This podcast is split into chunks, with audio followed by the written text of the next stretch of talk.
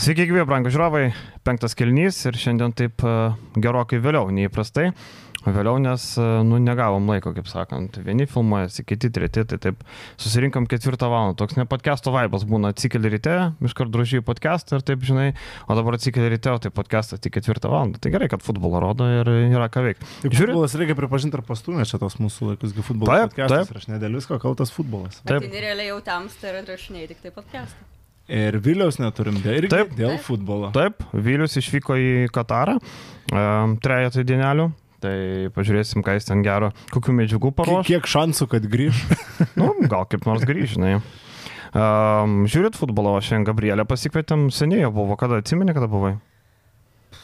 Pernai kalėdiniam tikrai buvau, žinau, kad darėm atseit kalėdinį, kalėdinių laikotarpį kažkokį. Jo, dieną, kažkas buvo. Ar po to buvau, iš to studijų kiek dar ne. tikrai ne. Mhm. O čia mes nuo kada? Nuo... Šitą. Nuo balandžio. Iš svečių ir buvo Gecevičius. Tai va, tai iš esmės, e, nu ką, pasikvietėm Gabrielę, tai pakalbėsim apie aktualijas, o prieš tai, ar, nu, jeigu apie futbolą, tai žiūrit futbolą ar nežiūrit? Man asmeniškai tai šiek tiek vaibas ne tas, kaip, kaip, kaip anksčiau būdavo, prisideda pirmas dalykas - ruduo.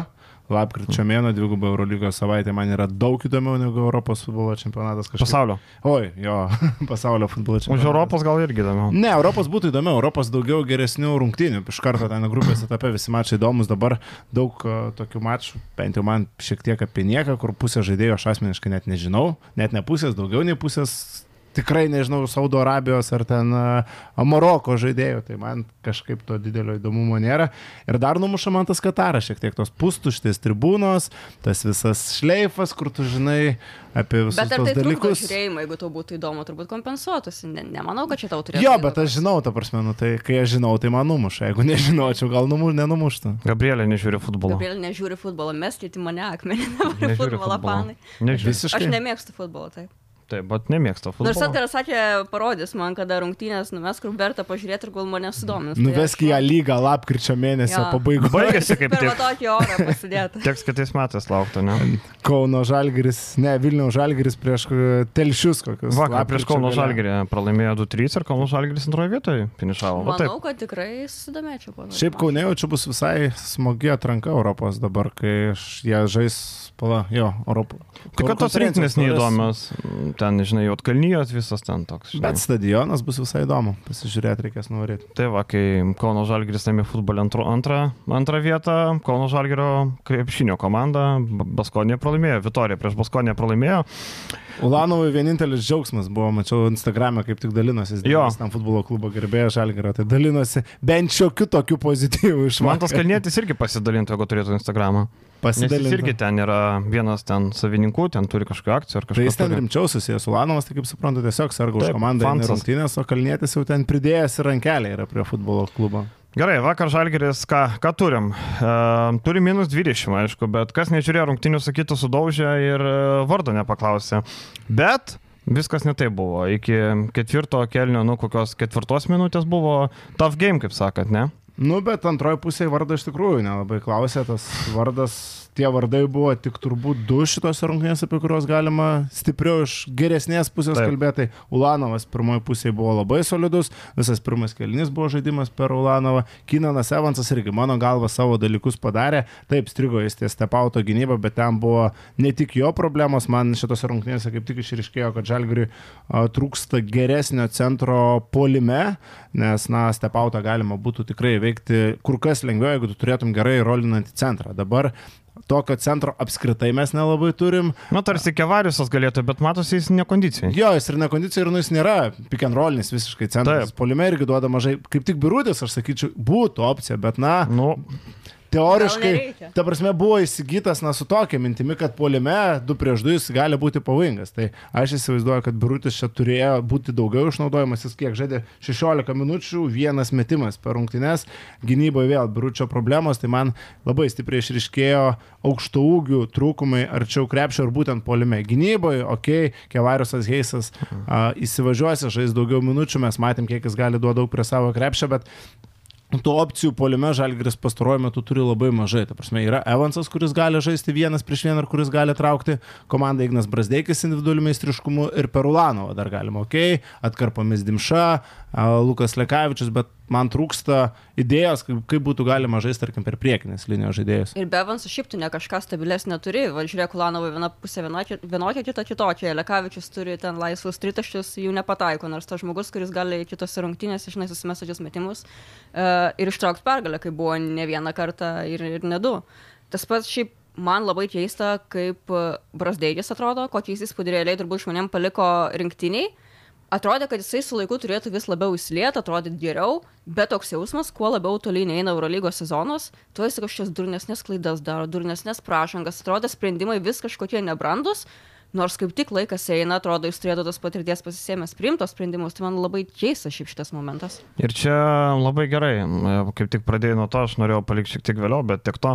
Uh, tai sakyk, kaip čia rašai apie Brasdeikį. Nublemba, jeigu, Taip jau atvirai reiškia. jeigu 600 tūkstančių žaidėjas būtų legionierius, mes jau kalbėtume apie jį, kaip kalbam apie visokius penų ir panašius veikėjus.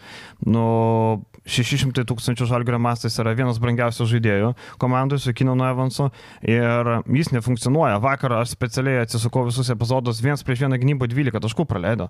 E, tu leidi suktis į krepšio pusę, tu leidi kostelo, tu leidi kitiem. E, nėra tobulėjimo, nėra to skaitimo, pastovi yra tik tai įsižiojęs žvilgsnis, palauk, ką aš blogai padariau. Ir mes jau skaičiuojam e, trečią mėnesį sezoną, mes jau skaičiuojam, kad jau gruodis tuoj prasidės, o Brasdeikio progreso daug nėra. Tarkim, įsivaizduokit, Dariusas Thompsonas būtų šitoje vietoje, ar ne? Nu, gerokai daugiau duotų žalgerių, jį matom. Nežaidęs irgi Eurolygoje, bet žaidęs Europos tauriai. Ir kitokius dalykus duotų ir e, nemanau, okei, okay, ten gynyboje fiziškumo duoda, bet kas tas fiziškumas, jeigu lieka viens prieš vieną. Baskonė labai dažnai atakuodavo ir visi plačiai atsistoja ir sako, durkit. Ir durė. Ir va turim tokį rezultatą. Žmogus už e, daug pinigų duoda labai mažai naudos. Bet gynybai. tarkim, su Milanu jau tos rungtynės buvo jo gerokai solidesnės, a, būtent gynyboje, ten praktiškai aš Bet nemačiau. Milanas. Jo, aš suprantu, kad Milanas polime pats yra bedantis ir beginklis, bet Brasdeikis tame kontekste atrodė gerai ir aš jau tikėjausi, kad gal po biški bent jau gynyboje tos problemos mažėja ir buvo įdomu, kaip atrodė su Baskonė. Aš šiaip sutinku, kad tu sakai dėl jo gynybos, dėl to norimo greitesnio progreso, tik aš, aš tai dar vis tiek noriu poadvokataut. Negalima lyginti, tarkim, su Peno situacija ir taip toliau, nes lubos Brasdeikio vis dar išlieka. O jeigu jis aukštai. nepasieks tų lubų? O iš kur mes žinom, žinai, tai- kokios tas lūpos? Tai mes matome fiziškumą, mes matome jo žaidimo savybės, mes matome. Bet gal laikių nėra. matom- Nu, galima išmokyti. gali ir neišvažiuoti. Nu, bet uh, tokie dalykai yra išmokstami, jeigu tu turi gerą kūną, jeigu tu turi gerą vingspeną, jeigu tu turi geras fizinės savybės, uh, turi gerą užsibaigimą su kontaktu, nu, tai yra savybės, ant kurių tu gali statyti karjerą. Kitus dalykus, nu, išmokstama yra per kažkokį laiką. Vieni tą, tuos dalykus išmoksta greičiau, kiti lėčiau, bet pridėjus tuos elementarius kai kurios dalykus, nereikia, kad jisai būtų geriausias žaidimo kuriejas ir skaitytojas. Tai ir to neprašom. Tai kažkiek šitus dalykus aptvarkius, nu viskas ten gali būti labai neblogai ir aš taip norėjusi, kad jau kalėdoms jis būtų įėjęs į kitokią tą savo formą, į kitokį savo europietišką krepšinio ritmą, kol kas neįėjo, bet aš tai vis dar lieku su ta mintimi, kad galima laukti. Bet klausyk, bet jeigu jo vietų 600 būtų kitas žaidėjas. Amerikietis. Gerai. Jis su Mildais būtų sudirbtas. Šią akimirką, tarkim, būtų geresnis tas žaidėjas. Ta Ne, ne, bet jeigu įsivaizduok, turim žaidėją X, žaidžia kaip Brasdeikis. Mes kalbėtume, kad Matejūnas nupirko kažkokį brastą žaidėją. Žiūrėkit, ar tai yra pirma, pirmus metus Europoje žaidžiantis krepšininkas? Jeigu tai būtų Emanuelis Mūdį, aš sakyčiau, laukiam. Pernai mes va tokį, va, uh, kaip Brasdeikį, išsimetėm po pirmo, po pir pusantro mėnesio. Aišku, tam pasikeitė treneris ir taip toliau. Mūdį, žinai, NBA buvo draftuotas aukštai, turėjo gerus sezonus. Brasdeikis NBA buvo šiukšlių minučių žaidėjas blogiau, vienoje blogiausių komandų. Taip, bet mes matom, kaip mes matom Brasdeikėje potencialą. E, Polime aš matau, bet gynyboje nematau. Bet gynyboje jis turi tvirtą kūną. Ar jis ne, ar jis Bet gal nėra keistis? Nesinaudoja. Tai taip, nesinaudoja, mes suprantam tas problemas. Tai jis naudoja, žinai, turi sugert kontaktą, žinai, sugert kontaktą. Tai sugert kontaktą gali. Žinai, mes palime matom vakar 15 minučių 10 taškų. Viskas atrodo gerai. Bet kiek jis praleido? 10 įmetė, 12 mažiausiai prasimetė vienas ant vieno gynybai. O kiek dar kitose, kur, yra, kur buvo komandinės gynybos? Tos durnos klaidos realiai ir tie praleisti antri šansai, tai žalgi ir kainavo, kad paleistos buvo rungtynės realiai. Matai, aš manau, kad iš čia niekas stebuklų nesitikė ir jo niekas nemėtytų čia į ten jokių akmenų ir nekritikuotų, jeigu jis ten tiesiog banguojančias rungtynės turėtų arba ten kartais jam kažkas nepavyktų. Bet kai tu iš vis darai tokias vaikiškus kažkokius dalykus kai kuriuose momentuose, nu tai tiesiog atrodo keista. Tai viskas, kaip ir sakau, su tuo ir aš visi matom tas pačias problemas, viską tik aš sakau, kad jeigu mes pasimtumėm, kaip sakom, kitą, tarkim, 500-6 tūkstančių šimtų e, eurų vertės žaidėją, gali šią akimirką būtų geresnis, solidesnis, duotų daugiau naudos, bet ilgoje perspektyvoje Brasdeikas gali tapti, mano nuomonė, vis tiek geresnis. Tai tai ilga kiek, tas- kitam sezonui, bet jisai turi plius, jisai gal spjaus ir išvažiuos. Gal spė, bet mes to nežinom. Gal Nežinom. gal nespėjaus, gal po mėnesio. Sakau, man atrodo, Tai tie, tos kelios detalės ištaisomos, jos gali šitą žaidėją pakelti vis dar į- aukštesnį lygį. Komanda Žalgirio vis dar turi 5-4 su, nefunkcion... su dalinai nefunkcionuojančiu Brasdeikiu. Negalim sakyti, kad jis čia yra katastrofa. Katastrofa yra Tyleris Kavas. Na gerai, kokį pažymį tu jam duodi už e, tuos devynis turus? Pitaka. Pitaką. Adekvatu. 5 su Pritariu. pusė gal. Nu, penki pritariu, penki pritariu. Logiška. Ir su Brasdeikio Pitaku mes turim 5-4. Tai nėra blogai. Tai Dabar... Bet mes turim, nes mūsų X faktorius sužaidžia, ne? Dimša porą grajų patraukė, mes ištraukėm va tokių kortų. Butkevičius, netgi polime, apie gynybą nekalbam, polime patraukė, kai reikėjo. Butkevičius deliverina. Tai čia Taip, tai faktas. sakau, tai mes su tokiais X faktorius, bet pagalvojus gerai, turim Brasdeikį, dar turim pono Talerį Kevaną, kuris atrodo netgi Jėga. blogiau nei prie Šilerio sezon, sezono pradžioje, ar ne? Mes sezono pradžioje keikėmės, nu tas Kevanau, bet dabar lygiai taip pat atrodo. Va čia va labiau sutinku, nes Kavano jis negali tapti per porą mėnesių išspręsti visiškai savo problemą. matėm, kad jisai gali Eurolygoje žaisti. Jam jau yra trečias sezonas Eurolygoje. Jisai gali žaisti paskutiniai komandai. Pernai Žalgiris buvo uh Mhm. -huh. ne Eurolygos komandai, jis galėjo žaisti tam Žalgirį. Ar jis gali žaisti uh, Eurolygos konkurencingam klube svarbės minutės turėti svarbų vaidmenį, mes vis dar nežinome. Ta prasme, aš ir prieš sezoną keliu klausimą, visi čia kartoja, oi, antras sezonas Eurolygoje turi žaisti geriau, bet jisai pernai tai žaidė dugniniai visiškai komandai. Prieš Žalgiris pernai nebuvo Eurolygos komanda, tiesiog. Jo, bet žinai, kita vertus ir dabar žalgeris nėra kažkoks stebuklas, kur tu būtum apsilipdęs super žvaigždėm ir tu net šitam kontekste negalėtum padoriai atrodyti. Mes turim žaidėjų, kurie buvo ir žalgerį ir e, po to išėjo nieko įspūdingai nedarė, ten koks nors Vaitas, pavyzdžiui, ne? Nu, ir buvo geresnis žalgeris, bet jis kitose komandose irgi taip nesulošia. Tai jeigu tu dabartiniam žalgerį, o čia jisai yra geresnis nei pernai, bet jeigu tu kaip lavonas visiškas atrodo, tai irgi labai keista. Žinai, e, aš iš Kevanau nieko daug nesitikiu. Pataikyk savo laisvus metimus. Taip, Aš iš jo nieko nenoriu. Taip. Aš iš Brasdeikio gal noriu, žinai, Kevanau žaidžia ten už pusę kainos, kiek Brasdeikis, ne? tai aš iš Brasdeikio noriu ne tik taškų, bet noriu geresnės gynybos, nenoriu, kad būtų 0-0, e, jeigu skaičiuot gynybą ir įmestus taškus. Kevanau, aš noriu, kad bent pataikytų laisvas. Taip, tai jo funkcija yra išplėsti žalgerio polimą ir kad tai susiveda su dar viena problema, apie kurią mes kalbėjom, kad mes neturim praktiškai naudos iš aukštųjų polime, būtent Kavanau čia yra vienas iš tų žmonių, kuriuos galima besti praštų, nes būtent jis yra orientuotas į polimą. Ir dar pridėčiau, na, kad iš Kavanau reiktų, kad jis bent nebūtų atakuojamas gynyboje, vakar ir gynyboje. Tų problemų Taip. Buvo, a, metas Kostelo parodė, kaip turi žaisti tokio stiliaus žaidėjas, ta prasme, visiškai kita lentyna ir Kavanau atrodė ir gynyboje labai prastai. Vakar aukštūgis sugeneravo 9 taškus. 9 taškai per 4 asmenis, per keturis kūnus. Ir čia vėl grįžtam prie to paties, kad e, nu to pastiprinimo aukštūgių grandy tikrai reikia. E, Birutis, e, Septynis suskaičiuoja, devynis, nu, gal devynis. keturi Heisas, du Šmitas, šeši, A, vieną Kevanau, septyni, devyni, Mm, devyni devyni, keturis devyni. Aš galvoju, kad man visai blogai su matematika, bet pasirodo, kad Aš, ne. aš Šmito nepridėjau. Nu, vakar Šmitoj juoda diena, ne? Ir Bet- praeitos buvo rungtynės, jau ne ką geresnis. Praeitą prieš Milaną. Gerai, normaliai buvo, 17 balų surinko berots. Šitas buvo, bet jisai, man patinka, kad jisai kovoja, tu žinai, ką jisai to konkrečiai duoda, jokiam jokių pretenzijų nėra. Ne? Uh, matom, uh, Kevanau. Nu, ir, ir blogiausia tai, kad Kevanau turi tą tokį Milano sindromą. Jisai nebepasitikė savo sprendimais, man atrodo. Jam neina kortą, bando jį gaivinti kažkiek LKL, bando ten duoti, bet jam kortą neina ir jisai pradeda bejoti savo veiksmais. Anksčiau matėm dar Žalgerio arenui, jisai bando tos tritaškius pramušti, nepavyksta. Vakar turėjo progą, vieną įsimetė ir tas minus 25, tas plus minus dažnai neparodo, bet šiuo atveju labai gerai parodo, tie minus 25, tai yra blogiausias rezultatas plus minus ir e, tikrai labai gerai parodo va, tos va, visus dalykus. Tai jeigu mes kažkiek dar svarstėm, ar gynėją pirkti, ar aukštų ūgį, Žalgeris štampuoja soldautus. Ne? Vienas soldautas neša ten skirtingais duomenimis nuo 150 iki 250 tūkstančių eurų. Tai, nu, skaičiuokim vidurkį, tarkim, ne, ten 200 tūkstančių pavyzdžiui. Tai 5 soldautai tu jau lemų uždirbai. E, Žalgeris dar turės namų kiek, jau 5 išsipardavė, dar įsiparduos turi iš viso 17 namų mačų. Vienas buvo nesoldautas prieš Virtusą, bet buvo beros apie 13 tūkstančių, 12,5. Nu tai Žalgeris tikrai viršė biudžetą savo. Plus dar turėjo biudžetą, kurį planavo surinkti iš žiūrovų. Plus dar turėjo rezervą pasilikę, kaip ir sakė. Vadinasi, pinigėlių yra.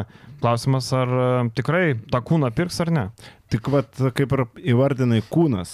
Vienas dalykas yra žinot, kad tau reikia aukštaugio, visai kas kita yra surasti rinkoje žaidėją, kuris tau kažką pakeistų. Eilinio aukšto ūgio, kuris atbėgios 10 minučių, nu, žalgiriui nereikia, žalgiris tų kūnų turi, yra motėjus kryvas, gal galiai, jeigu tau labai reikia. Bet Eurolygo jis ne Bet kūnas. jeigu tau labai reikia kūno, tai yra kūnas ir tu gali jį apšaudyti. Bet uh, esmė, kad reikia žaidėjo, kuris duotų naudos polime. Maikas Kocaras, tokio tipo, bent jau aukšto ūgis, tokio lygio, jau būtų rimtas, labai changeris žalgiriui, kaip paskui prisidėtų dar vienas uh, ginklas polime. Ir tas, Ir tas papildymas leistų žalgiriui adekvačiai mąstyti, o aš galvoju net apie kabinimas į top 8. Taip, čia galima užsiciklinti už šito vieno pralaimėjimo, už tos subaladojimo Vitorijo, bet iš esmės žalgiris žaidžia kol kas neblogą krepšinį. Ir ištaisius tas... pagal resursus, kelias- taip. net per gerą.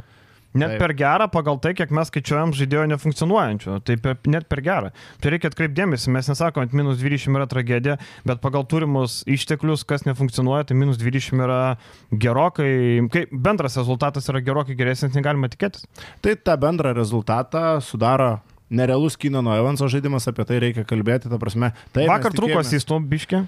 Jo, bet čia su ta agresyvės Taip. stepauto gynyba šiek tiek. sėčia. Bet stepautas buvo problema prieš Lietkabelį, Maksvyčių, lygiai tas pats pusfinalį praeito sezono matėm. Gerai, neturėjo įrankių, tarkim, bet vėl ta pati problema, nebuvo kas galėtų užcentruoti, ką tu kalbėjai, nebuvo su kuo pikintrolas sužaisti. Gerai šartrolo žaidžiantis centras čia spręstų labai stipriai. Taip. Kuris iš žalgerio aukštaugių gerai priima sprendimus su kamoliu, tarkim, priėmęs šartrolę kamoliu dabar. Šmitas nebent. Nebent, bet tai vienas žmogus ir Taip. tai. Daugiau Šmitą aš įsivaizduoju kaip e, plečiantį polimą aukštaugių, kuris Taip, taip. Barcelona Netokia apskritai tritaškius metė. Ir Evansas nemėgsta step- stepautų. Tu pasižiūrėk, jisai, jisai labai, kai pradeda spausti, pradeda žiūrėti į žemę, mušt kamulio, kai tu žiūri į žemę, tu nebematai, kur pasuot kamulio. Lekavičius irgi nemėgsta. Ne, tai Lekavičius žemas, net nėra ką kalbėti. Kai tu esi mažiukas, tai, tai tave pribėga du dideli, tu nebematai saulės, žinai, nematai apšvietimo Fernando Buesos arenos, tai ką tu nori, žinai, iš to. Bet e, iš esmės, tokioje situacijoje jo trūksta ir to, ir, e, nu, nežinau, tą centrą ištraukti, nu, iš kur tu ištrauksi? Va, Gabrielė, kokį centrą įmam? Rėž dabar staigiai. Blemba, žinok, aš nieko neimčiau, aš padėčiau, žinok, to, kas yra. o, labai gerai, papasakok.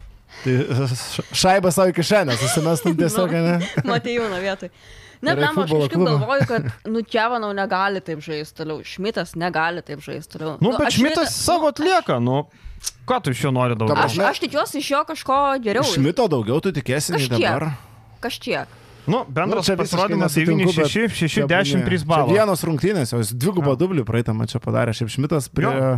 Aš iš jo mažiau tikėjausi, turbūt, nei kad jis duoda. Jisai, e, šiaip Šmitas išvykose praščiau žaidžia nei namie, čia labai tendencija ir Viljarbanė buvo minus 2 ir dabar minu, vienas balas tik tai, tai čia žinai. Ir Žalgiris tas rungtynės laimė dažniausiai dėl to būtent fiziško penketuko, kuris duoda agresijos. Rolandas Šmitas yra to penketo pagrindinis vidurio polėjas, ketvirtas numeris su Kevario su Heisu. Ir man atrodo, kad Šmitas kaip tik labai daug prisideda prie tų penkių pergalių, bet Tai jo, aš nesakau, kad neprisideda viskas čia.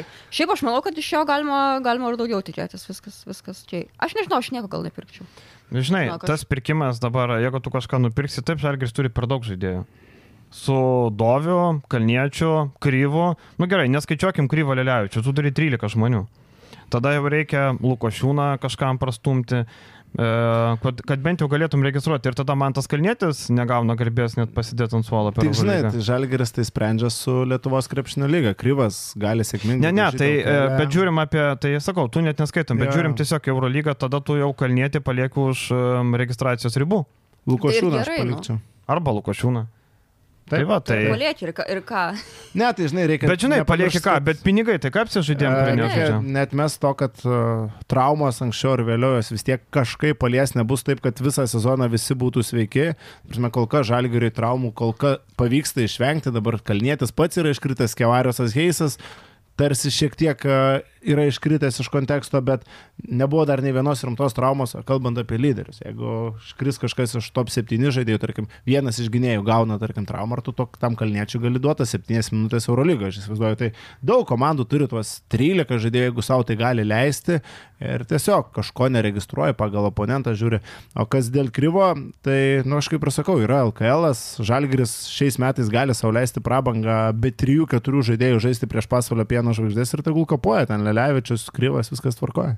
Na, bet Eurolygoje tai be šansų, kad jis Nu, tas be Aš šansų. žinau, kad tu tiki visą laiką. Jeigu Blaževičius pernai su šansais atrodė tam tikrose Nors tau rungtynėse. kryvas jau geresnis už Marką? Ne, ne geresnis, bet lubos tai turbūt kriuvo. Ne, tai ne, mes kalbam Mes apie apie šiandien. dabartinę situaciją, kai kalbame. Tai aš, aš negalvoju, kad ten penkiom minutėm išleidus kriuvą keturioms minutėms dangus sugriūtų Eurolygoje. Tikrai negalvoju. Nu, ne, tai dangus nesugriuvo su niekuo, bet vis tiek, žinai, Nu, su. Taju Websteriu griūdavo. Tarp kitko, vakar Delfis gerai iššovė, gražino į senus laikus. Ačiū už kovą ir Websteris. nuotrauka. Jeigu jie čia trolino, tai čia yra Max geras trolinimas. Čia maždaug prisiminkit, ka- kai buvo su Websteriu, tai vakar maždaug toks galutinis rezultatas buvo. Um, ką dar galim iš tų rungtynių pasakyti? Dovydas Gedraitis debutavo, e, debutavo penkiom minutėm, e, prametė du tritaškius, nieko nepasižymėjo, e, matęs gal pradžioje šiek tiek e, bijojo, ten vienoje situacijoje reikėjo mesti, jisai nemetė ir ten baigės atakos laikas vėliau, ten rodė Maksvytis, kad mes mes drąsiau, o Lukošiūnas nepakilo ir aš galvoju, kad tendencija tai bus jau, kad e, Dovydas pasims minutės, pritarėt? Jo, aš manau, tai ir Dovydas vakar, jisai pagal savo galimybės po tokios ilgos pertraukos jis išėjo normaliai, išsimetė tos du metimus normalius, uh, o čia ten vieną tą perdavimą atliko. Viskas atėjo, aš nežinau, ko galima buvo iš jo daugiau norėtis šitose pirmose rungtynėse. Realiai jis normaliai atrodė ir aš net nebijoju, kad realiai Lukošiūno kuo toliau, tuo mažiau matysim. Aš tų penkių minučių šito mačio net per daug nesureikšminčiau, man kaip tik labiau gal su pieno žvaigždėm norėjosi pasižiūrėti, kaip jis atrodys, nes ten jo minutės buvo solidesnės, ten jis turėjo svarbesnį vaidmenį, tu per penkias minutės, nu, kaip ir sakau, nei tu kažką ten labai prigriausi, išėjo su užduotim pristabdyti Markusą Howardą gynyboje tarsi ir susitvarkė ir aš būtent įsivaizduoju, kad su Dovydu Gedraičiu tu nerizikuoji mesdamas jo ant parketo priešingai nei Lukošiūno. Lukošiūnas yra ok, jis, e, tu turi iš karto išnaudoti polime, jeigu tu neišnaudoji jo polime, tu kentėsi nuo jo dėl jo gynyboje. Nors mes pernai kalbėjom, kad ta gynyba tarsi ir gerėja, kad viskas ir tvarko, bet nu vis tiek Eurolygos kontekste jis yra taikinys, a, kokiu tikrai nebus Dovydas Gedraitis. O dėl Gedraičio tai su pieno žvaigždėmis jau atrodė gana neblogai. Čia pirmas mačas Eurolygoje, pirmi metimai netikslus, bet viskas, manau, bus tvarkoje. Aš tokį retorinį turiu. Ar Lukošiūnų čia paskutinis sezonas Eurolygoje? Ne. Taip, pri... nemanau, kad kur nors jisai gaus darbą Eurolygoje. Kai mes kalbėjom, pala, apie kuriuos mes žalgyriečius kalbėjom praeitą sezoną, kad paskutinį kartą Eurolygoje žaidė Websteris. Websteris Milaknis uh, turbūt irgi buvo įvardintas iš legionierių, irgi tikrai buvo Strelniką, man atrodo. irgi Strėlininkai, jo. jo. Nu, bet Strėlininkas veteranas, dar žinai, jo. Bet e, jo, Lukošiūnas, e, kur jisai gali darbą, gal nebent Lietuva turės antrą vietą Eurolygoje ir ta vieta bus Jonovo Sibet, ne? Tada Lukošiūnas žais Eurolygoje. E, Blemba, nežinau, ar Čanakas imtų Lukošiūną. Čanuko reikia, kad e, dirbtų gynyboje. Tai žinai, tai manau, kad e, nebent jo Novos Sibet Eurolygą žengia, tada Lukošiūnas turi vietą, kitaip sunkiai, sunkiai aš taip galvoju. Ką dar apie tas rungtynės, nu?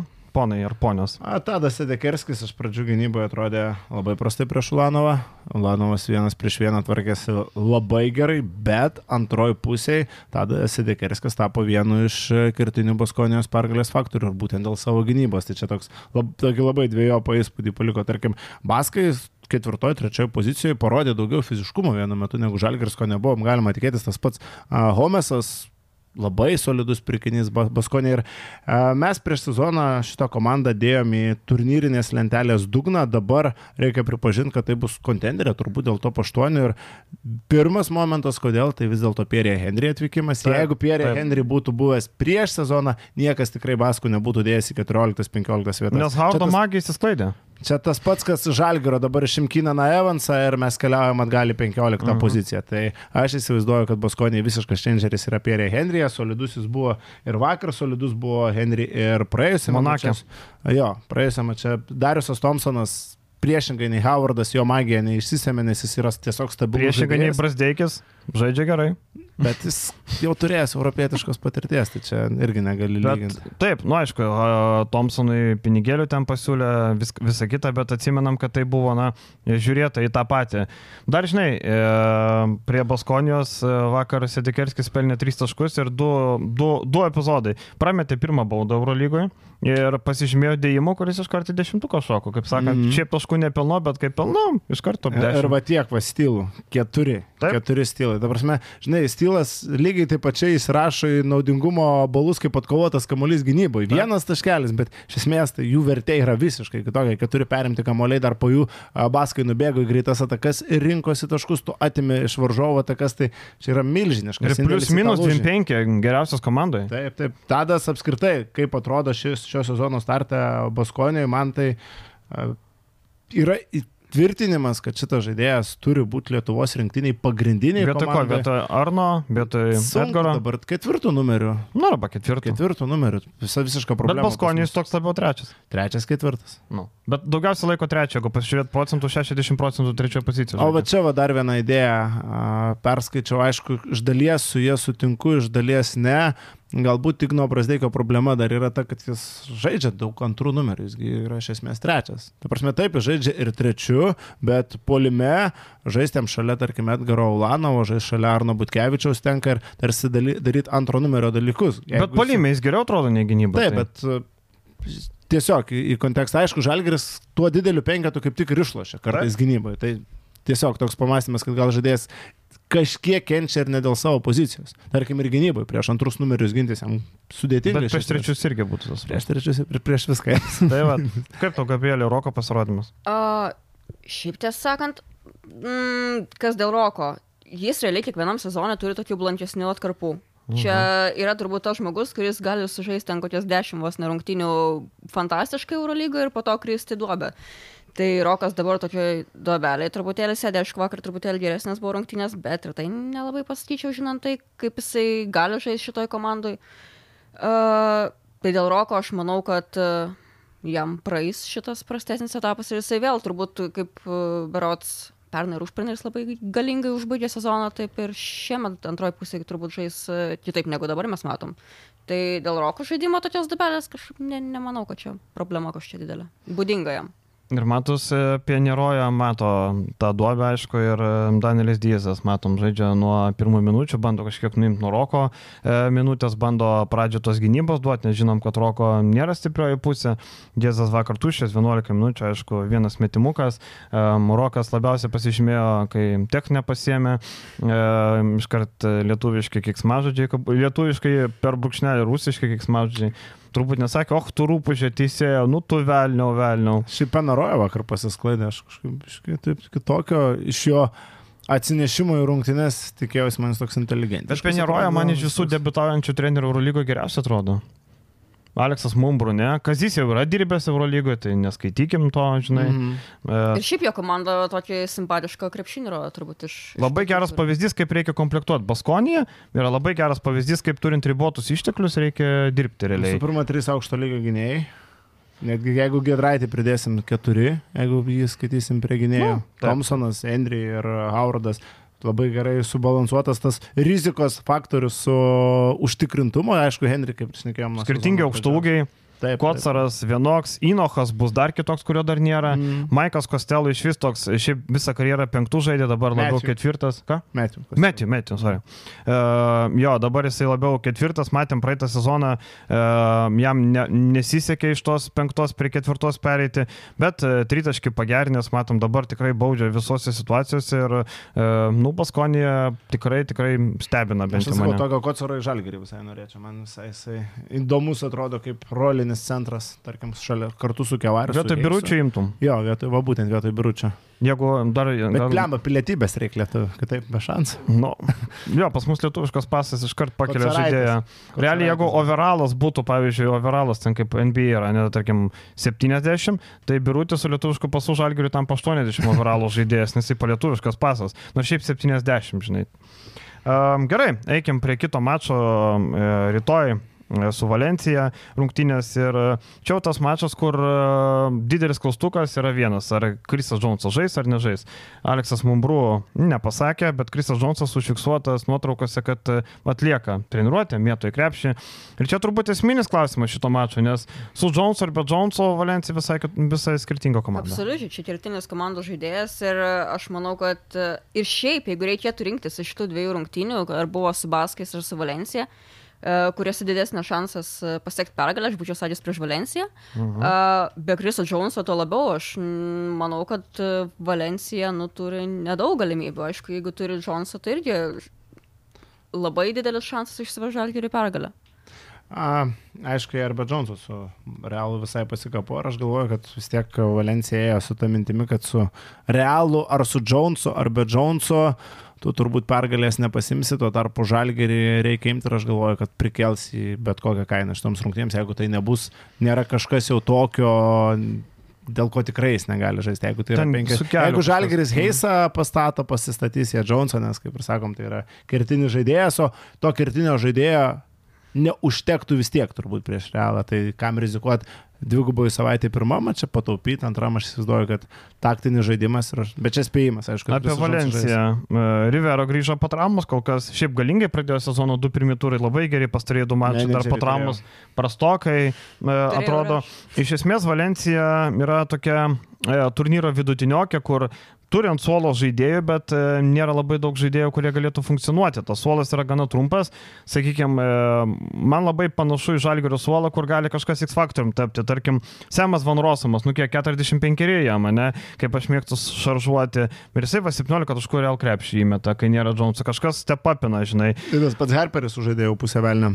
Jo, e, daug tokių Eurolygo nežaidusių žaidėjų. Harperis, e, Webas, kas Radebau. Galima sakyti, neturėjęs. Jo, Haime, atrodo, tam sezone dar jau suolo gale, kai Valencija dar žaidė, bet Radebau, Kailas, Aleksandris, daug žaidėjų, kurie nėra žaidę Eurolygoje. E, aišku, tik tai aš nesuprantu vieno. Gal jūs paaiškinsit, Gabrielė, gal tu gal, kodėl Valencija turi vieną dieną ilgiau palisėti negu Žalgeris?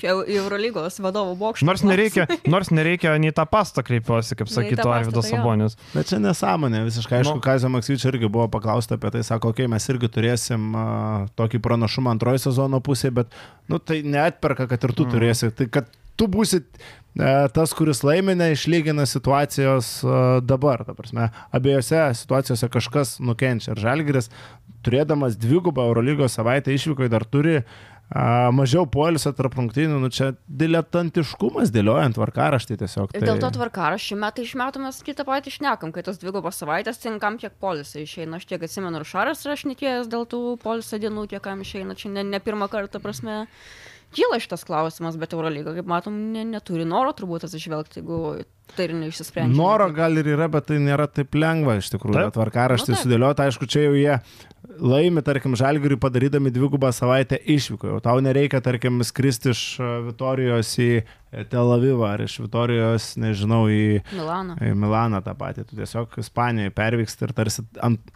dėl to šiek tiek sutaupai, dėl to šiek tiek išloši, bet a, reiktų kiekvieną situaciją žiūrės skirtingai, su kuo žaidė Valencija, kas turės realas, su kuo turės, kiek varžovai turės pertraukų. Nėra taip lengva atsižvelgti į visų norus ir pageidavimus ir sudaryti vienodas sąlygas visiems, bet aišku, tok, tok, tokie momentai yra labai skaudus žalgiriui.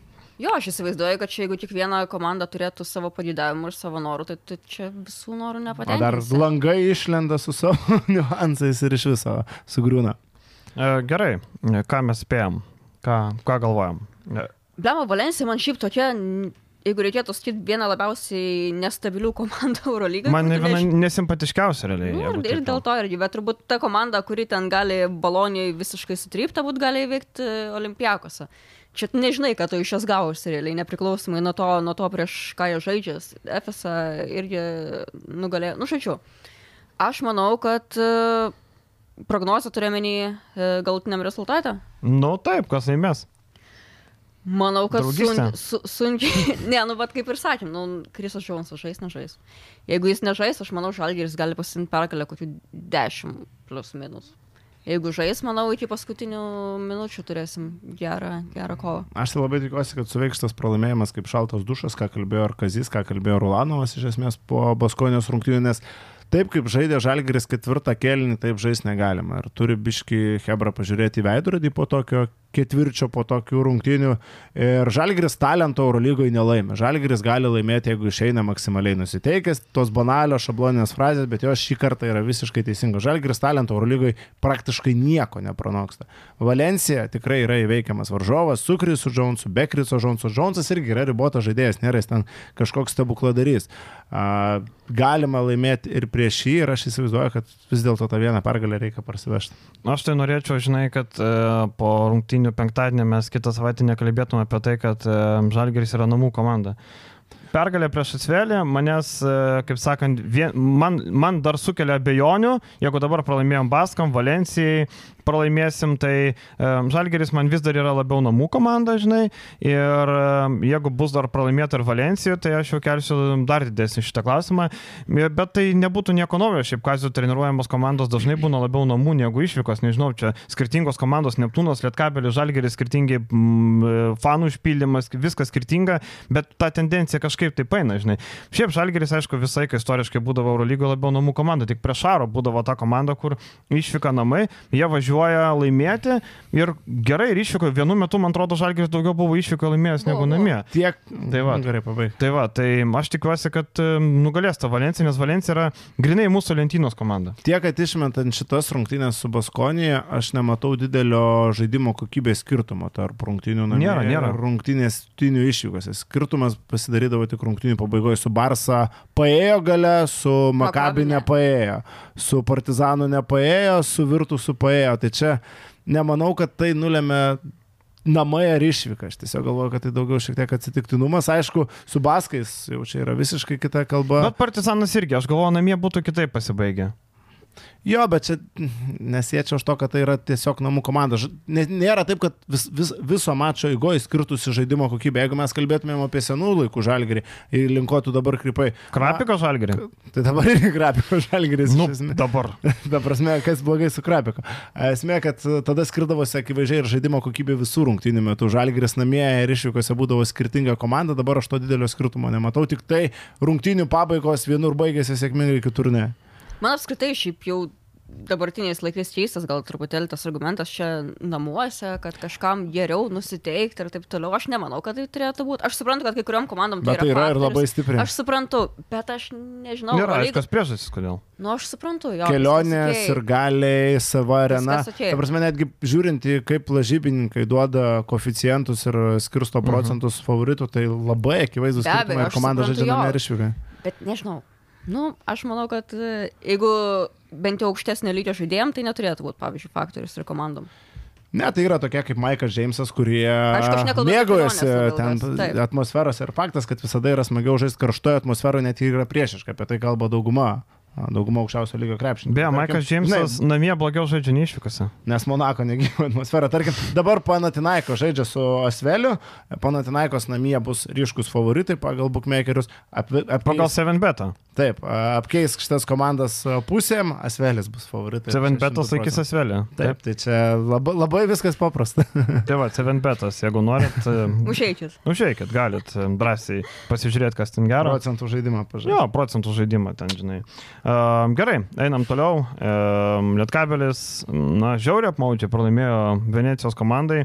Ir rungtynės, nu, rungtynės buvo įdomios tikrai, bet prasidėjo įdomiausia, kaip uh, teisėjai buvo tas voštelio ir teisėjas liko be dantų. Nu, ten iš visai apie situaciją. Niekada gyvenime nesu matęs tokios Bet situacijos. iškart pagrindinis klausimas tokia momentė, jam ten draudimas, viskas tvarkoja, tikiuosi, jie yra, tarkim, vis tiek kaip dar, tas pats, kas ir darbė iš... Nu, taip, nelaimė darbe. Teisėjai tikrai apdrausti yra. Aš, aš labai tikiuosi, kad žmogui kompensavo dantis. Bet blemba, ten taip, aš dar pasižiūrėjau po to iš kitos kameros vaizdą, ten taip atrodė, ne, nu taip, jisai pašoko, viena ranka kovojo, kita buvo laisva ir taip trinktelėjo, bet tas trinktelėjimas netrodė labai stiprus, bet matom, kad... Matai, gal tokių kampų, žinai, kaip nors trenkė, kad, kad ir išsimušė. Bet, Aš tai e, nemačiau irgi tokių. Bet jeigu yra, va, kas mūsų žiūrinčių stomatologų, man tegul paaiškina, ta prasme, man rovė dantį, aš savaitę po to skausmus jaučiau ir buvo baisu. Dabar tau, Gal nervo kokį pažaidė? tau išmuša dantis ir tu iš karto gali toliau dirbti. Nu, Tačiau atrodo- Piotras Pastusekas, Lenkas. Tas Ta prasme, man kosmiškai atrodo, praėjo minutė, jis ten pasikrapštė, pasižiūrėjo švilpuką, nu, tai blemba. Švilpukas kažkaip telpa man, ir gerai. kažkaip man rodė labai, labai baisiai. Tas Žinai, man- koks man, žinai kodėl? Gal ten netikrai dantis buvo. Galbūt va aš irgi tą patį pagalvoju, nes, nu, blemba, jeigu tau ir kraujo, tarkim, nebuvo, tai galvoju, kad Taip, taip, išmušus taip. dantis, nu, Tai kraujo. buvo netikri matyti. Gal ten, nu, Man- man, matyt, sakau, jeigu... Ne, gal nelyskim, stomatologai bet nusprendė. man dabar o- opi čia problema, tai aš pasigilinau į šitą. Tu gal susisiektau, parekomenduosi. reikės man parašyti gal ką. Tai ką, Lietkabelis e, buvo arčiau pergalės, tikrai kovojo pagirtinai, Džemelas Morisas traukė traukinį ir Džemelas Morisas e, žaidžia taip, kaip tikėjosi, kaip mes ir sakėm, vienintelis e, legionierius, iš kurio galima laukti, na, Šakyčius irgi gal dar paliekam klaustuko tiesiog, bet Morisas įsižaidė, sukrito tie metimai, e, tikrai traukė vežimą Lietkabelio, be Moriso būtų buvus e, liūdnesnė situacija, bet taip pralaimėti pabaigą, nu, blemba, ten buvo tokios situacijos, kur jau Venecija, kur jau sergaliai ten pradėjo šnapždėtis ir po truputį striukės rengtis eiti namo, bet sugebėjo tokios kvailos klaidos. Ir vėl tas pats žmogus, ar ne? Aš komentavau tas rungtynės per Openą, tai aš jau praktiškai viskas. Galvojau, kad, nu, važiuojam pergalę Venecijoje, labai smagu, rungtynės gana kokybiškos iki dviejų su pusė likusių minučių mhm. pabaigos tikrai Lietkabelis žaidė gerą krepšinį. Lyderis e, Džemelas Morisas visiškai traukė, tas pats Stefanas Peno iki to momento Taip. turėjo gana neblogas rungtynės. Jis gerai užcentravo, porą kartų nusimetė kamuolį, jis gerai eidavo į baudos aikštelę, bet tada du padovanoti kamuoliai, bet aš gal šį kartą siečiau su kažkokia traumelė minimaliai. Jam ten buvo dedamas teipas ant kojos, jis buvo priverstinai kuriam laikui palikęs aikštę, aišku, čia mano. Bet tai ten kraujavo kelias. Kraujavo. Tenka prakirto tą kelią. Vat įdomu, kad jis buvo. grįžo po to ir iš karto pasipylė klaidos. Iš karto po sugrįžimo jo žaidimo jo kokybė buvo visiškai kitokia. Nors iki to momento žaidė gana neblogai. Tai čia tokio kaip pateisinimo šiam žaidėjui ieškau, nors šiaip faktas, kad būtent jis prapylė praktiškai tą mačą. Ir Lietkabelį. irgi. Ir Kiulama, taip. Ir nu šiaip. a, Matai, gal tu dabar sakai, čia po traumelės gal išėjo kitaip. Jeigu mes turėtumėm vienas tokios rungtynės arba ten vieną tokį pavyzdį, tai gal būtų, žinai, galima kažkiek teisinti, bet e, kiek, Utenoje buvo dežavų. kiek rungtynių, tiek ne pirmas kartas čia, kai jisai savo klaidom Jo, ir, ir visas, sprendimais visas pražudo mačas nebuvo blogas, tiesiog du kartus dabar nepersivarytas kamuolys buvo per aikštės vidurį, tai šitas žaidėjas gali persivaryti kamuolį per aikštės vidurį ir mes tą matėm. Tai aš nesak, negalvoju, kad jis yra toks tragiškas ir aš kaip tik pradėjau matyti šiek tiek gerėjimo jo žaidime, o čia buvo tiesiog dvi klaidos, kurios nu visiškai... Gerėjimą sugriovė žinai, tą kame, mačą. kad vieną kartą metė krepšį ir vieną pataikė. Ne, nemetai krepšį ir iškart pagerėjimas. Šeši asistai, keturios rungtynės Jo klaidelės. su nevėžiu, tarkim, buvo kitaip. Nu tai žinai, a, atsiprašau. Nu, atsiprašau, bet Nu. pataikyti skilę vis tiek reikia. prieš Nu, atsiprašau, kai Kai tu esi- žaidži prieš nevėžį, atsipalaidavęs, tu žinai, kad laimėsi. Kai ateina rungtynės su Utena ir rungtynės e, pabaigoje reikia padaryti sprendimus, prarasti kamoliai. Kilomąją lygiai taip pat, Utenoje irgi prarado kamolius lemiamų metu.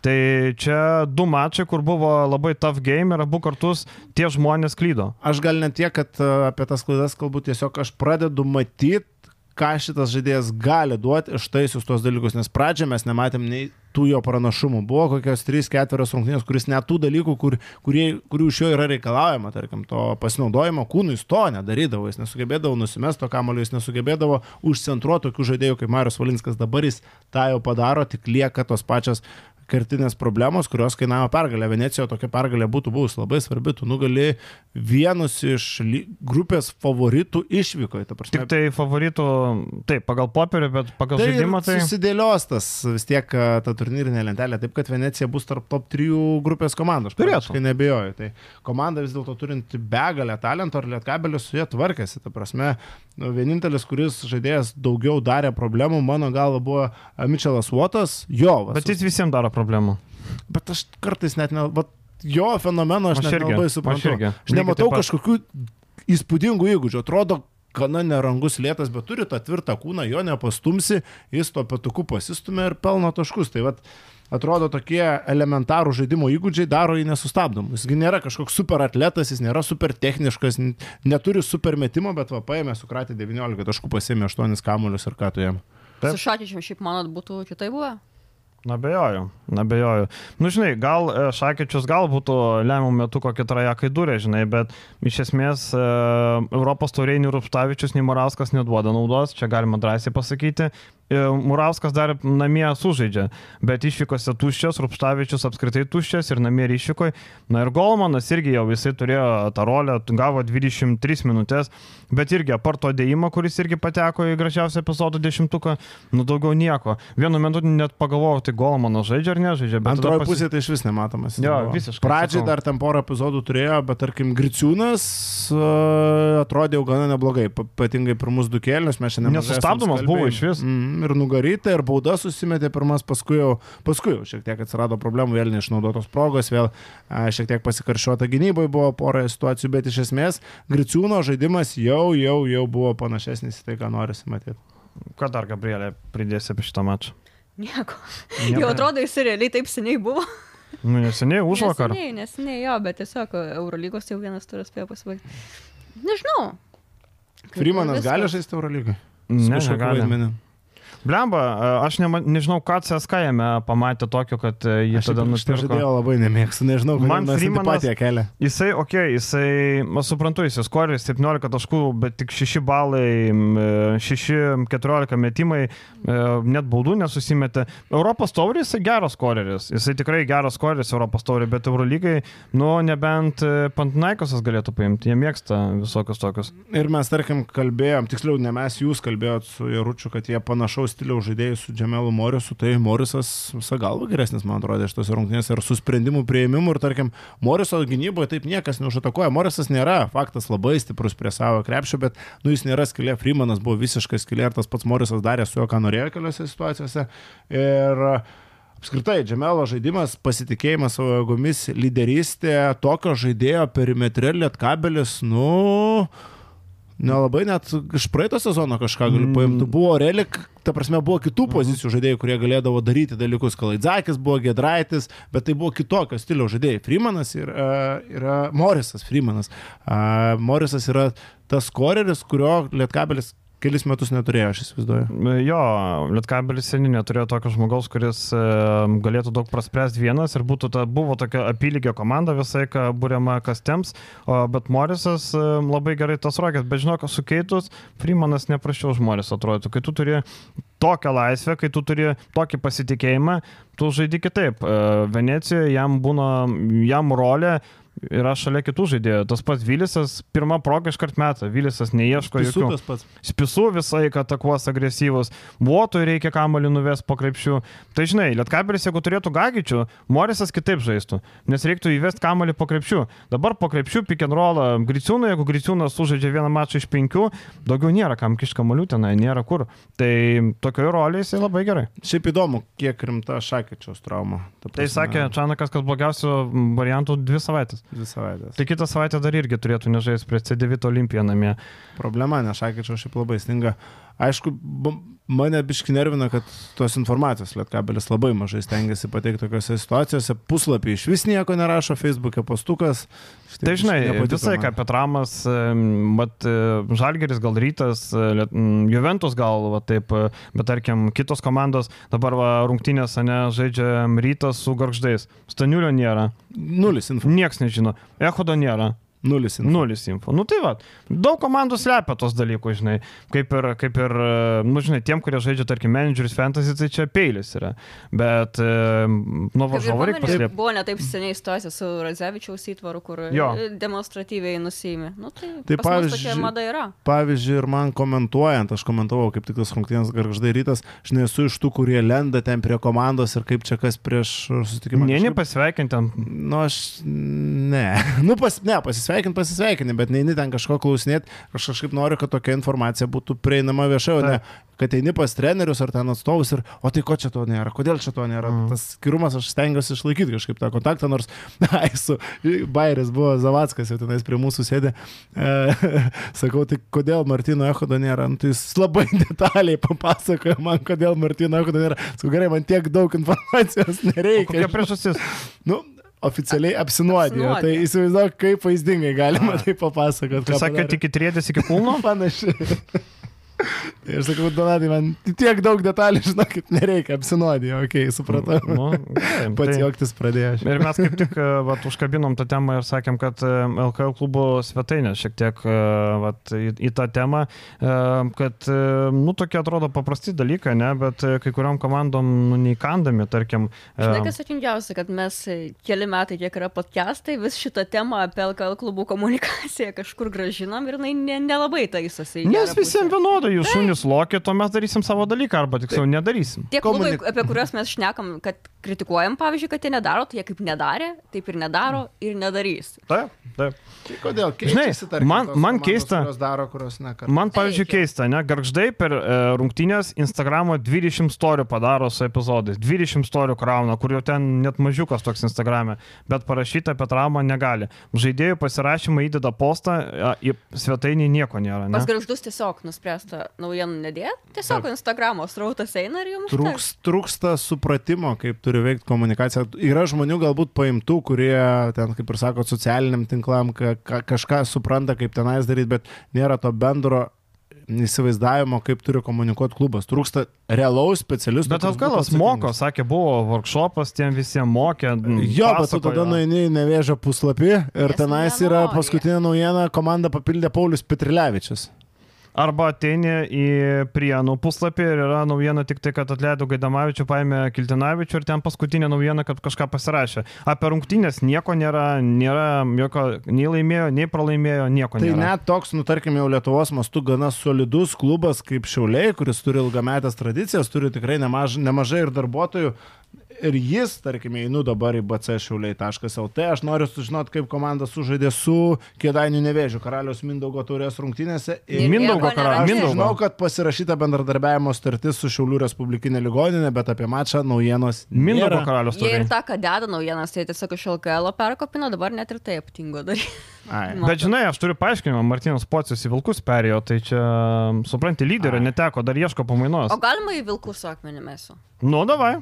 Na, nu, ką Užkniso tema? Filipinas. Ne, ne dėl, Ai, dėl filipiniečių, čia tu galėsi išsilieti. Varyk, varyk. Ne, aš užsilėjęs. Ne, tiesiog vilkai su viso pagarba, kiek jie deda pastangų į socialinius tinklus ir visą savo komunikaciją, bet kai iš jų gauni pranešimus, tu juos taisai po 10 minučių. Ir taip irgi, nu, keistai atrodo, aš nežinau, tai, tai kokia organizacija dabar e, tapo, kiek jie profesionaliai stengiasi viską daryti. Man tai nelabai atleistina ir toleruotina. Aš nežinau, aš nenorėčiau vilkų pranešimus dėti ir taisyti 10 minučių, kad aš jį įsidėčiau. Šiaip ką galima pagirti iš mano bent jau nuomonės, tai visų pirma Juventusas. Pirmas dalykas, aš ėjęs jų puslapį gaunu ne tik informaciją apie Čia mūsų bičiulis Danas Kraušiūnas dirba. Ne, man, ta prasme, aš... Jis Atiduokim ne duoklę? jis Tai atiduoda. tiesiog atiduodu duoklę. E, ta prasme, nes įėjęs į puslapį yra prašymai, who yra kažkokių interviu, yra kažkokios papildomos informacijos ir galiams, tikrai viskas tvarkoja. Jo navos, bet įėjęs į puslapį irgi galiu gauti gana nemažai kažko. Nors surašyta taip labai kreivai. Kur Jonavos irgi pranešimus reikia 10 minučių taisyti. Jo, bet jau geriau, žinai, paprastam ir gali, kuris eina tiesiog į puslapį, tos klaidos dalampačkai. Taip. tikrųjų, ten, kad kablelio nepadėt dar kažkas mums čia yra problema, kai reikia įsidėti, bet jau geriau, šimtą kartų geriau taip, negu iš vis. Tai nieko. nerginti. Dar pridedant, kas regali randa, nueini į Lietkabelio puslapį, matai, e, kad e, LKL lenteliai yra 3-2 santykis pas jos pagrindiniam Ai, puslapį. lietkabelis. Taip, 3-2 o, o. Eurocapė yra 1-1. Tai va, Ir tokią Wolves. nuomonę. Taip. Ir Na, taip. Badalonas Kaip gerai, kad nebedirba lietkabelį, nes būtų į manęs pjūvis toks įveido, dabar sėdėčiau šlapias rankšluošia reikėtų, bet gerai, kad nebedirbu. Tai vad, taip. Ne. Tai Ir šiaip tu, tu čia sakei, kad uh, neturi supratimo, kaip ką daryti, bet čia nereikia turėti daug supratimo. Tu pasižiūrėk, kaip dirba uh, geresnės lentynos klubai. Tiesiog uh, nu, yra kažkokie pagrindiniai dalykai. Tai tiesiog yra žalgeris, žalgeris rytas, daryk, taip. ką jie daro, prastesnių lygių, šiek tiek mažiau, bent bet tokias pasižiūrėk geresnės. daug maž, kaip jie daro, daryk pigesnę versiją, jau bus geriau negu nieko. Nevėžio paskutinis postas, kur patrilevi. Kaip ir sakai, šiulių, tarkim, atveju, tu bent jau LKL Bent jau visą taip. turi, kuriamą turi, nes LKL, čia jokių priekaištų ir konferencijos, po rungtynių tu tas konferencijas įdėk pas save YouTube, kai kažkurie, kažkas tai daro, kažkas nedaro, nu, ta prasme, tu bent jau tai pasidaryk ir jau bus šis tas. Nevėžis pasipostina ir portalo tekstus ir LKL konferencijas į. Facebooką. Gal Audra Generevičinė tai daro? Nes dirba Audra Generevičinė. Gal Darilas duola.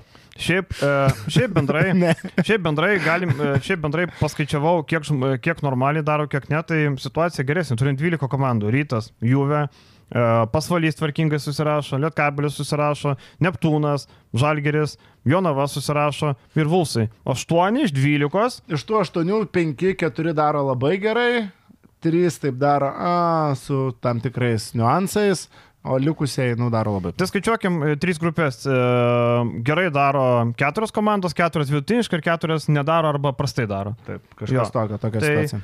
Jo, tai va tokia situacija. Manau, vis tiek paprastai. Baudas LKL galėtų biški. Už, tarkim, nevėžę atveju už kalčio baudą. Aš manau, kad galima būtų kažkaip įpareigoti, kad tu bent kažką komunikuotum.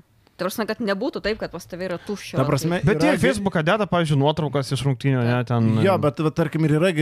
LKL įstatuose, kad klubas privalo turėti puslapį, bet nu kas iš to puslapio, jeigu aš einu į nevėžės LTR, komandos priekinę liniją stiprina Kaidanėtis Paulius Petrilevičius, tai čia yra, kad skaitosi, kad jie turi Čia puslapį. naujausia naujiena. Taip, čia yra naujausia. Taip, taip. Tai sakau, tai, nu jo, čia žinai, spraga, bet ar tu reglamente turi surašyti, ką privalo surašyti? Nu, čia žinai, toksai. Čia LKL nieko nepadarys, čia tu susadink, bet man keista, kad jie daro workshopus, ne, atvažiuoja žmonės, kurie, e, nu, kurie neva turėtų tą dalyką žinot. Pavyzdžiui, prienų pranešimai vasarą buvo tragiški. Atsiunčia pranešimą PDF e, ar ten Word'e parašyti du sakiniai, statistika skiriama per tašką. Tu turi perrašyti, realiai, kaip pasakiau, Hebra, netaisom, tiesiog perrašom patį faktą, ten pasirašė su Dominiku Domarku. Tai surašom, tiesiog pasirašė patys informaciją, nes tai, ką jie atsiunčia, nu yra, nu aš nežinau, man atrodo, kad čia žmogus, kuris, nu šiaip su telefonu gal surašė ten, be, be lietuviško raidžių, be nieko. Tai tiesiog dėl to. Du, kad LKL neturėtų to nurodyti, durniausias dalykas, kad klubai nesupranta, kad to reikia ne dėl to, kad čia mes nebambėtumėm, ne dėl to, kad LKL įstatosi varnelė. žinai, Biški ir užsidėt. dėl to. Jeigu tai motivuotų kažką būtų gerai, okei, bet jie nesupranta, kad jie daro dėl ten savo sirgalių, kad, kad jų dėmesį turėtų, kad patrauktų daugiau į arenas ir kažkokį susidomėjimą turėtų. Šiaip Jie, jie tikrųjų- galvoja ant atsiknisk padarysim, sais. Iš tikrųjų atėjo vilkai ir parodė, kaip dirbant galima labai greitai pasiekti rezultatą. Ta prasme, va čia yra... Aišku, Filipinai pavyzdys. jam padėjo su skaičiais. Ne, bet aš kalbu ne apie Facebook'o ten išaugusius skaičius, aš kalbu apie, Apie informacijos srautą. Apie sirgalius arenoje, tai ne filipiniečiai eina, eina litiškai. O dėl ko eina? Dėl to, dėl to kad zu, vilkai labai gerai krepšinį dabar žaidžia? Nevelnia. Nu taip, yra pavardžių, yra Kurtinaitis, į kurį įdomu pažiūrėti, yra tų žaidėjų, bet eina dėl to, kad pavyko sukurti kažko įdomiau negu nieko. Va čia yra pagrindinis dalykas, kuris privilioja litiškus. Jie padaro kažką per rungtynės, jie gerai dirba su komunikacija, jie siunčia pranešimus, jie padaro video, jie padaro mini podcastukus ir to žmonėms užtenka. Tai va per pusę metų padarė įdirbį, kurio kitiems reikia mokytis nuo kilintų metų nevėžės, nuo susikūrimo pradžios. Žinai, Lygiai. koks yra durnas dalykas, pas mus yra ta populiari frazė, kad jeigu žaisim čia vos negerą krepšinį, tai ir sirgaliai ateis. Ar labai daug klubų LKL rodo tokį sirgaliams patrauklų krepšinį, kad jau čia visi dėl to žaidimo LKL fronte, pavyzdžiui, eitų čia jų žiūrėti. Dzukija pernai, Dzukija pernai žaidė savo lygių gerą krepšinį, žmonės vis tiek nejo, nes tai buvo vis tiek ta pati Dzukija, kuri niekam nebuvo įdomi. Vien dėl to, kad žmonėm ten įdomu būtų pažiūrėti, ką aš žinau, pasvalį su nevėžiu, jie tikrai, nu, tu prasme, nu taip nepritrauksim tų, tų sirgalių ir gali neapsimetinėti čia, kad vos ne žaisim gerai, tai čia ateis ir nereikia nieko daryti papildomai. Yra legendinis posakis, kai žaidžia Romaras, reklamos nereikia. Va taip, ar kai, kai žaidžia mažai, kai reklamos nereikia. Čia būdavo legendinė frazė, legendinė skanduotė mažaikiuose apie futbolo klubą. Tai va čia tau yra atsakymas. O tak. Reklamos, ge- geriem reklamos nereikia. Sakėm dar, kadangi apie vilkus kalbėjom, pakalbėsim apie Rimo Kurtinaičio, nu jis prūdo turbūt, bet kaip jis prūdo, kaip sakant, žodis nežilbis, nepagausi. Rimai sprūsta. Nervai nelaiko. Čia turime omeny pasakymą apie tai, kad Delijano negauna, negaliu duoti Delijano šiukšlių minučių, nes yra tokia situacija rungtynėse. Ta šiukšlių minučių, na jeigu filipiniečiai įsivertė, pasigavo, pamatė, tai turėjo labai nepatikti, nes, nu, šiaip apie žaidėją tu negalėjom pasakyti, kad tai yra šiukšlių minučių žaidėjas, nu tu sakyk, ką nori. Angliškai tas trash minutes dar kažkaip netai baisiai man skamba. Kai išverčiam lietuviškai šiukšlių minutės, nu labai nepagarbi man irgi. Bet iš kitos pusės aš suprantu Kurtinaitį. Ta prasme, jis pasakė teisybę. Taip, jis Realiai jis pasakė pasakė teisybę. Tai... Tik jinai netaktiška. Ji yra netaktiška, bet tai yra teisybė. Taip, tu šito žaidėjo negali mesti aikštę, tavo komanda šiuo metu ir KMT turi problemų ir jas reikia išeiti į ketvirtfinalį. LKL tos problemos didelės, o su tuo žaidėju tu greičiausiai žaisi 4 prieš 5. Tai nu, tu ir sakai, kaip yra. O faktas, kad ten, kad e, Juanas Deliano, Juano Gomesas Delianas nėra Kurtinaičio pirkinys ir kad treneris negauna galbūt to, ką nori, gauna Filipinietį, jam reikia vis tiek demonstruoti rezultatą, o čia dar prisiknisa prie jo, kodėl tas Filipinas nežinau. Tai nežaidžia, nes prastai žaidžia, nes netempė šito lygio. Ir aš, kai tik su juo pasirašė, aš sakiau, kad aš nemėgstu, kai žmonės yra statomi į vietas, e, kurių jie nenusipelnė. Tai va dabar, jeigu tu tam Juanui Deliano leisi žaisti realias minutės ir jeigu Kurtinaitisgi mato treniruotės, aukšto lygio treneris, jis mato, kad netitinka to lygio, ne šiaip savo neleidžia, kad prieš pasvalį ten trigubo dublio režimų žaidė. Nu, Dėl ne- ko rungtynės buvo suorganizuotos? Tai ne, ne, nejuokinkime Veraičio, kaip sakoma. Aš žinai, aš iš pradžių tą, per, e, tą pasisakymą paskaičiau, tada įsijungiau video pasižiūrėti. Pasižiūrėti, ar aš e, lempiškai nesurašiau, ne? Ne, surašė žodį įsijung- žodin. Ne, šiandien įsijungiau pasižiūrėti, kaip tik kai pasakė Atgaras, kad bus šitą temą, aš įsijungiau pasižiūrėti. Uh, jisai taip baisiai neskambėjo, kaip atrodo parašytas. Nu, aš suprantu tą Kurtinaičio pasakymą, kad komandos draugų žaidimas neleidžia tam suteikti laiko filipiniečiai. Vėlgi, dabar tokios dvi pusės situacija yra. Viena vertus, jeigu jis pradėtų labai diplomatiškai išnekėti apie filipinietį, turbūt, turbūt bus o tai durnas čia vos ne, taigi visi mato, kad tas filipinietis nieko vertas. Pasakė žmogus, ką galvoja ir kaip yra, nu gal reikėjo tiesiog kitokį pasisakymą, kitokią frazę panaudot, kad, e, e, kad sirgaliam ir filipiniečiai pačiam atrodytų kažkaip gražiau. Gal vienintelis dalykas, bet aš manau, kad šiaip didžioji dauguma žmonių supranta patys tą situaciją. Žinai, gal tik? Filipinų sirgaliai nesupranta. Būtent. Taip. Ir aš iš karto papilsiu, žybolą ugnį Vulsov atstovai labai nepatenkinti buvo šito kurtinaičio pasisakymu, jiem teko gla- glaistyti situaciją, kad tik tai nenuėtų į Filipinus tas pasisakymas. Tai, Tai ne, nevertė šito į tą, kaip pala filipiniečių kalba dabar užstrigo. Kažkokia. Žodžiu, tikrai nepatiko ir e, nenorėjo, kad tas būtų, e, kad tas nueitų. Tagalog. Kalba jau vadina. Tagalų. Tagalų? Mhm. Ok. Tai vad nenorėjo, kad tagai būtų sudėti ne ten, kur reikia. Tai pradėjo glaistyti tą situaciją ir, e, nu, Rimas turėjo gauti spragilų, kad mums patinka Rimas, nes jisai kalba dažnai atvirai, tą, ką nori. E, Kartais e, žinau, kad Rimas kalba vieną eterį, galvoja, ką kitą muškuliuose. Tai irgi labai Bet tai normalu visi iš trenerių darbo. Jo, jo, jo, žinai, kartais, kartais ten, žinai, kur interviu būna atsisėdi, kalbėjo apie rinktinę, kad čia tas, ana, žinai, tu, tu gali kalbėti, ką nori, tu nei ten dirbi, nei ten, nei ten turėsi. Bet kai liečia tavo reikalas, tu jau pagalvoji. Šiuo atveju tas pasisakymas, dabar aš įsivaizduoju, jeigu NBA treneris, tarkim, ateitų, sakytų, žinai, va, tarkim, dabar Juto Jazz turi Simonę Fontekio. Ateina treneris, sako, žinai, Fontekio negalim duoti, žais, prastai lošiam, tai jam tik šiukšlių minutės. Tai būtų didelis. Jo, tai būtų, žinok, didelis skandalas, jeigu pasakytų, vat, būtent frazę apie treš minutės. Yra dalykas, kurį visi supranta, bet ko negalima sakyti viešai. Ir čia tokių situacijų yra labai daug gyvenime ir kartais reikia, reikia su to tiesiog susitaikyti. Rimas, kaip ir sakom, pasakė taip, kaip yra, bet taip sakyti jis negalėjo, žinant klubo politiką ir kokio velnio tas Juanas yra paimtas. Visi, visi nuo pat pradžių mes supratome, ko, kodėl jis čia yra ir klubas nusprendė eiti šituo keliu ir tokie pasisakymai gali pakengti labai. Jo, realiai visi čia Lietuvoje tikrai supranta, kas tas filipinietis ir kokia jo vertė, bet kadangi tu jau ne visi, o čia jau matau. kad- Lemba Bet- po to trigubo dublio, žinok, atsirado nemažai. Tai va, žiūrėkit, žaidžia. Žaidžia vyras. Jo, bet kadangi tu perči žaidėjų tam, kas dominta Filipinų rinką, nu tai jau vardant to, dėl ko jis paimtas, tai jau tu prikazai. Vardant tų Filipino vienybę, tai žydai. Taip. O...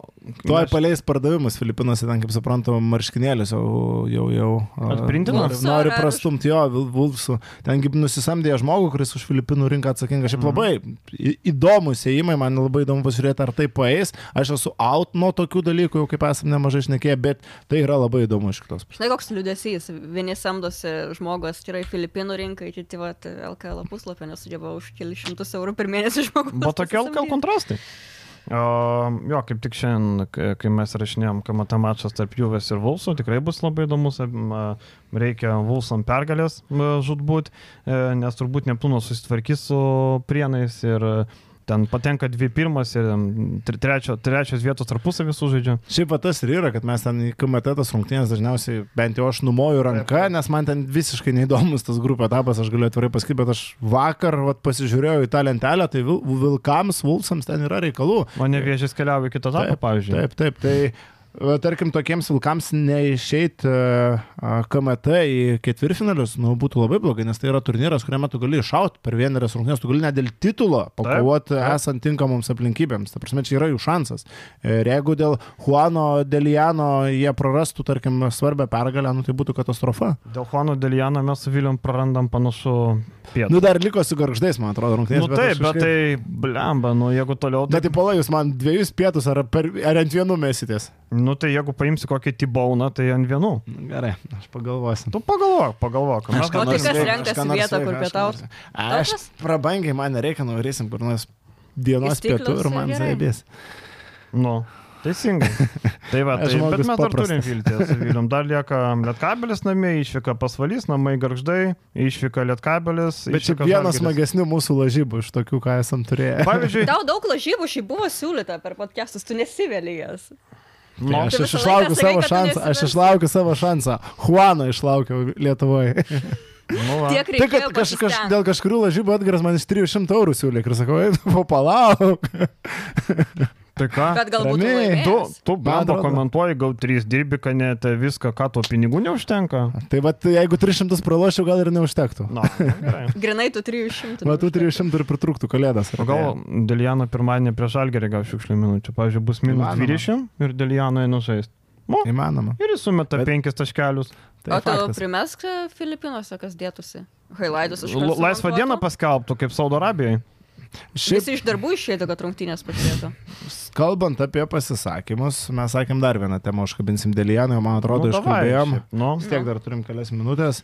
Dėl kaip jums ta Duško ar Maiko Džeimso situacija visa, ta prasme, ir ta visa reakcija į treniruotės, tarkim, Labai daug susilaukė ir iš buvusių žaidėjų, ten Nikas Tauskas pasisakė, būtent dėl Duško aš negryžčiau žaisti į Europą niekuomet, Maikas Džeimsas būčiau išėjęs po pusantros valandos, bet mes matom Duško uh, 2-0 laikiną rezultatą davė. 2-0. Vis dėlto tai yra patyręs Eurolygos treneris, tarkim, lietuviai, kiek žinau, Tadas Edikerskis, Rokas Gedraitis prieš Duško nieko per daug neturi, mhm. kurie Tadas pasižaidė.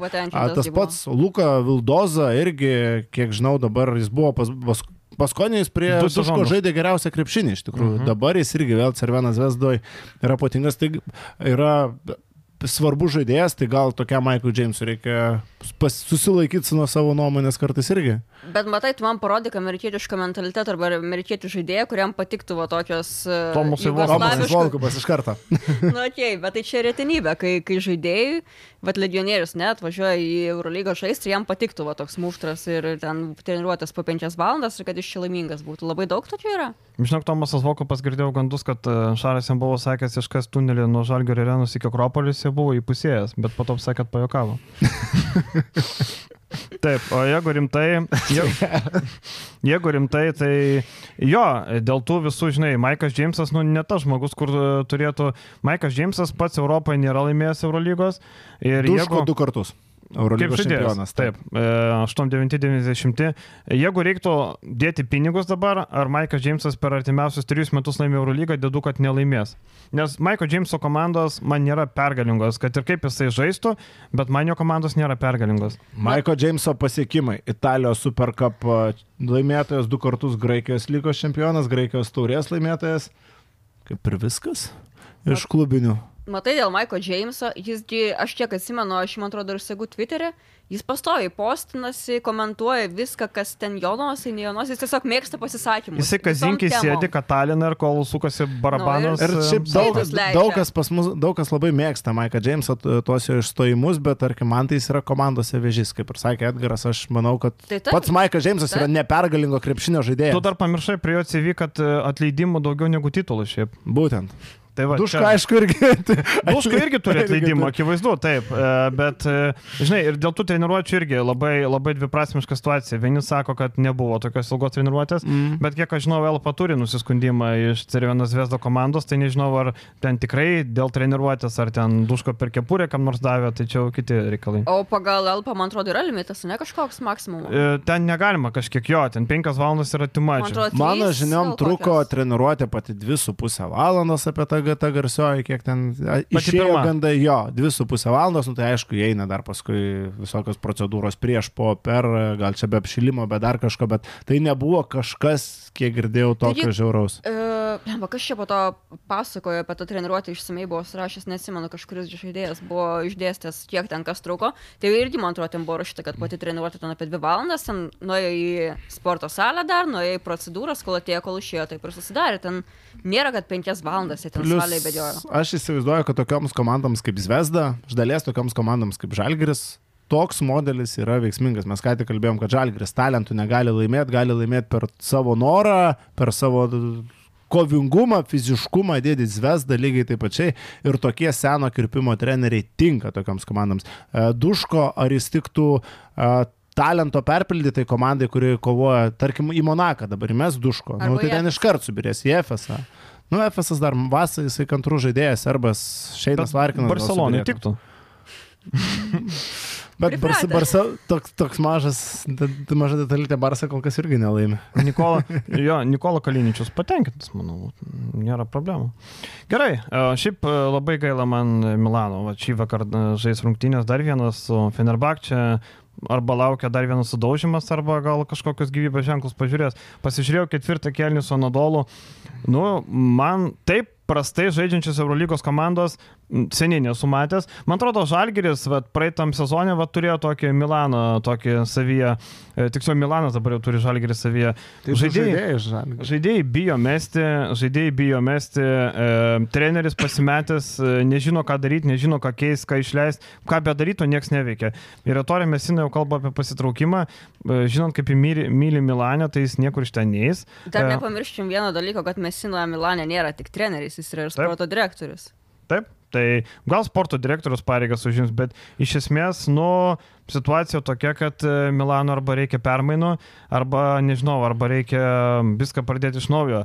Nežinau, ar per dvi dienas įmanoma kardinaliai pasikeis, matom, kad tas šleifas jau eina mačų iš mačų ir niekas negerėjo. Fenerbakčia nenadolo, neduos laisvų metimų, Fenerbakčia kaip tik nuo gynybos žaidžianti komanda, kietai žaidžianti gynyboje, tai laukia sunkus ketvirtadienis. Šiaip susitinka pagal savo krepšinį, pagal savo galimybės geriausiai žaidžianti Eurolygos komanda su prašiausiai žaidžiančia komanda. Feneris yra labiausiai iššovusi komanda ir labiausiai stebinanti, Milanas yra labiausiai nuvilinti. Tiek, kad dėl Mesinos, taip, jo daug kas išneka pasenusi filosofija, paprastas žaidimas, paprastos idėjas, bet galų galėtų su tokia sudėtimi ir su to paprastu krepšiniu gali būti labai sėkmingas ir pergalingas, bet kai Kevinas Pangosas pataiko vieną iš aštuonių tritaškių, Mesina neįeis į aikštę. Arba ne- 3 iš nesumes penkių iš 22. Taip, taip, taip. Luovų kabaro 0 iš 4 pirmas mačas. Tai irgi mes. Neformai matos, neformai Taip, visiškai. tai Foitmanas 0 iš 4 aukštaugius, kuris turi plė žaidimą. Tai mesina už jį, už kabaro, už pangosą, kurį, Taip, už tai kurį čia- šitų žaidėjų turi Tu, sumesti. taip, tu teisingai sakai, ne viskas yra treneryje. Treneris e, metimus susikuria. Trenerio darbas yra sukurti metimą žaidėjui. Gynyba veikia. Taip. Gynyba, tai trenerio. Gynyba nebloga. Netgi Kaunės žaidami tragiškai dėl gynybos dar kabinosi, dar kažkiek, bet tas polimas per tragiškas, kad su gera gynyba galėtum kažką ištraukti. Aišku, čia yra, kaip su, tokiose situacijose yra ir mesinos turbūt Taip, taip, taip. ir prie komplektacijos prisidėjo, ir žaidimo polimas neveikia, bet aš nebūčiau tas, kuris čia, va, mesiną pakeisim ir čia viskas išsispręs. Ne vien mesinui problemas, prasme, reikia ir žaidėjų žiūrėti. Aš manau, kad Mesina čia turi tokį vardą, kad jis čia nebus liečiamas. Aš net Tai jis pats gali pasitraukti, prasme, tas tai li, nelitėtas. Gali. Tai vad vienintelis atvejis, kad nebent jisai pats. Bet kad jį kažkas išmetinėtų, aš tai labai labai abejoju. Jo, O kokį trenerį Svairopolas? Be abejo. Taip, o kas abejo. daugiau geras laisvas? Arba Pablo Laso gal tinka šitai komandai. Pablito. Nu, Va, tai yra dvi pavardės. Biudžetas tinka. Yra du, nežinau, kas Viropolas veikia, bet vat, nieko neveikia. Kažkur ilsisi graikė, žiūri krepšinį. Buvo laikai, kai sėdėjom podcast'į, diskutavom, kas Viropolai iš Algerį gal. Blemba ir galėjo paimti, Mm, vis dar neturi darbą. Bet mes turim kazį, nereikia mums tų graikų, mes su savais važiuosim toliai. Viskas, užtek šiandien, e, ačiū visiems, pasimatysim po savaitės, kim.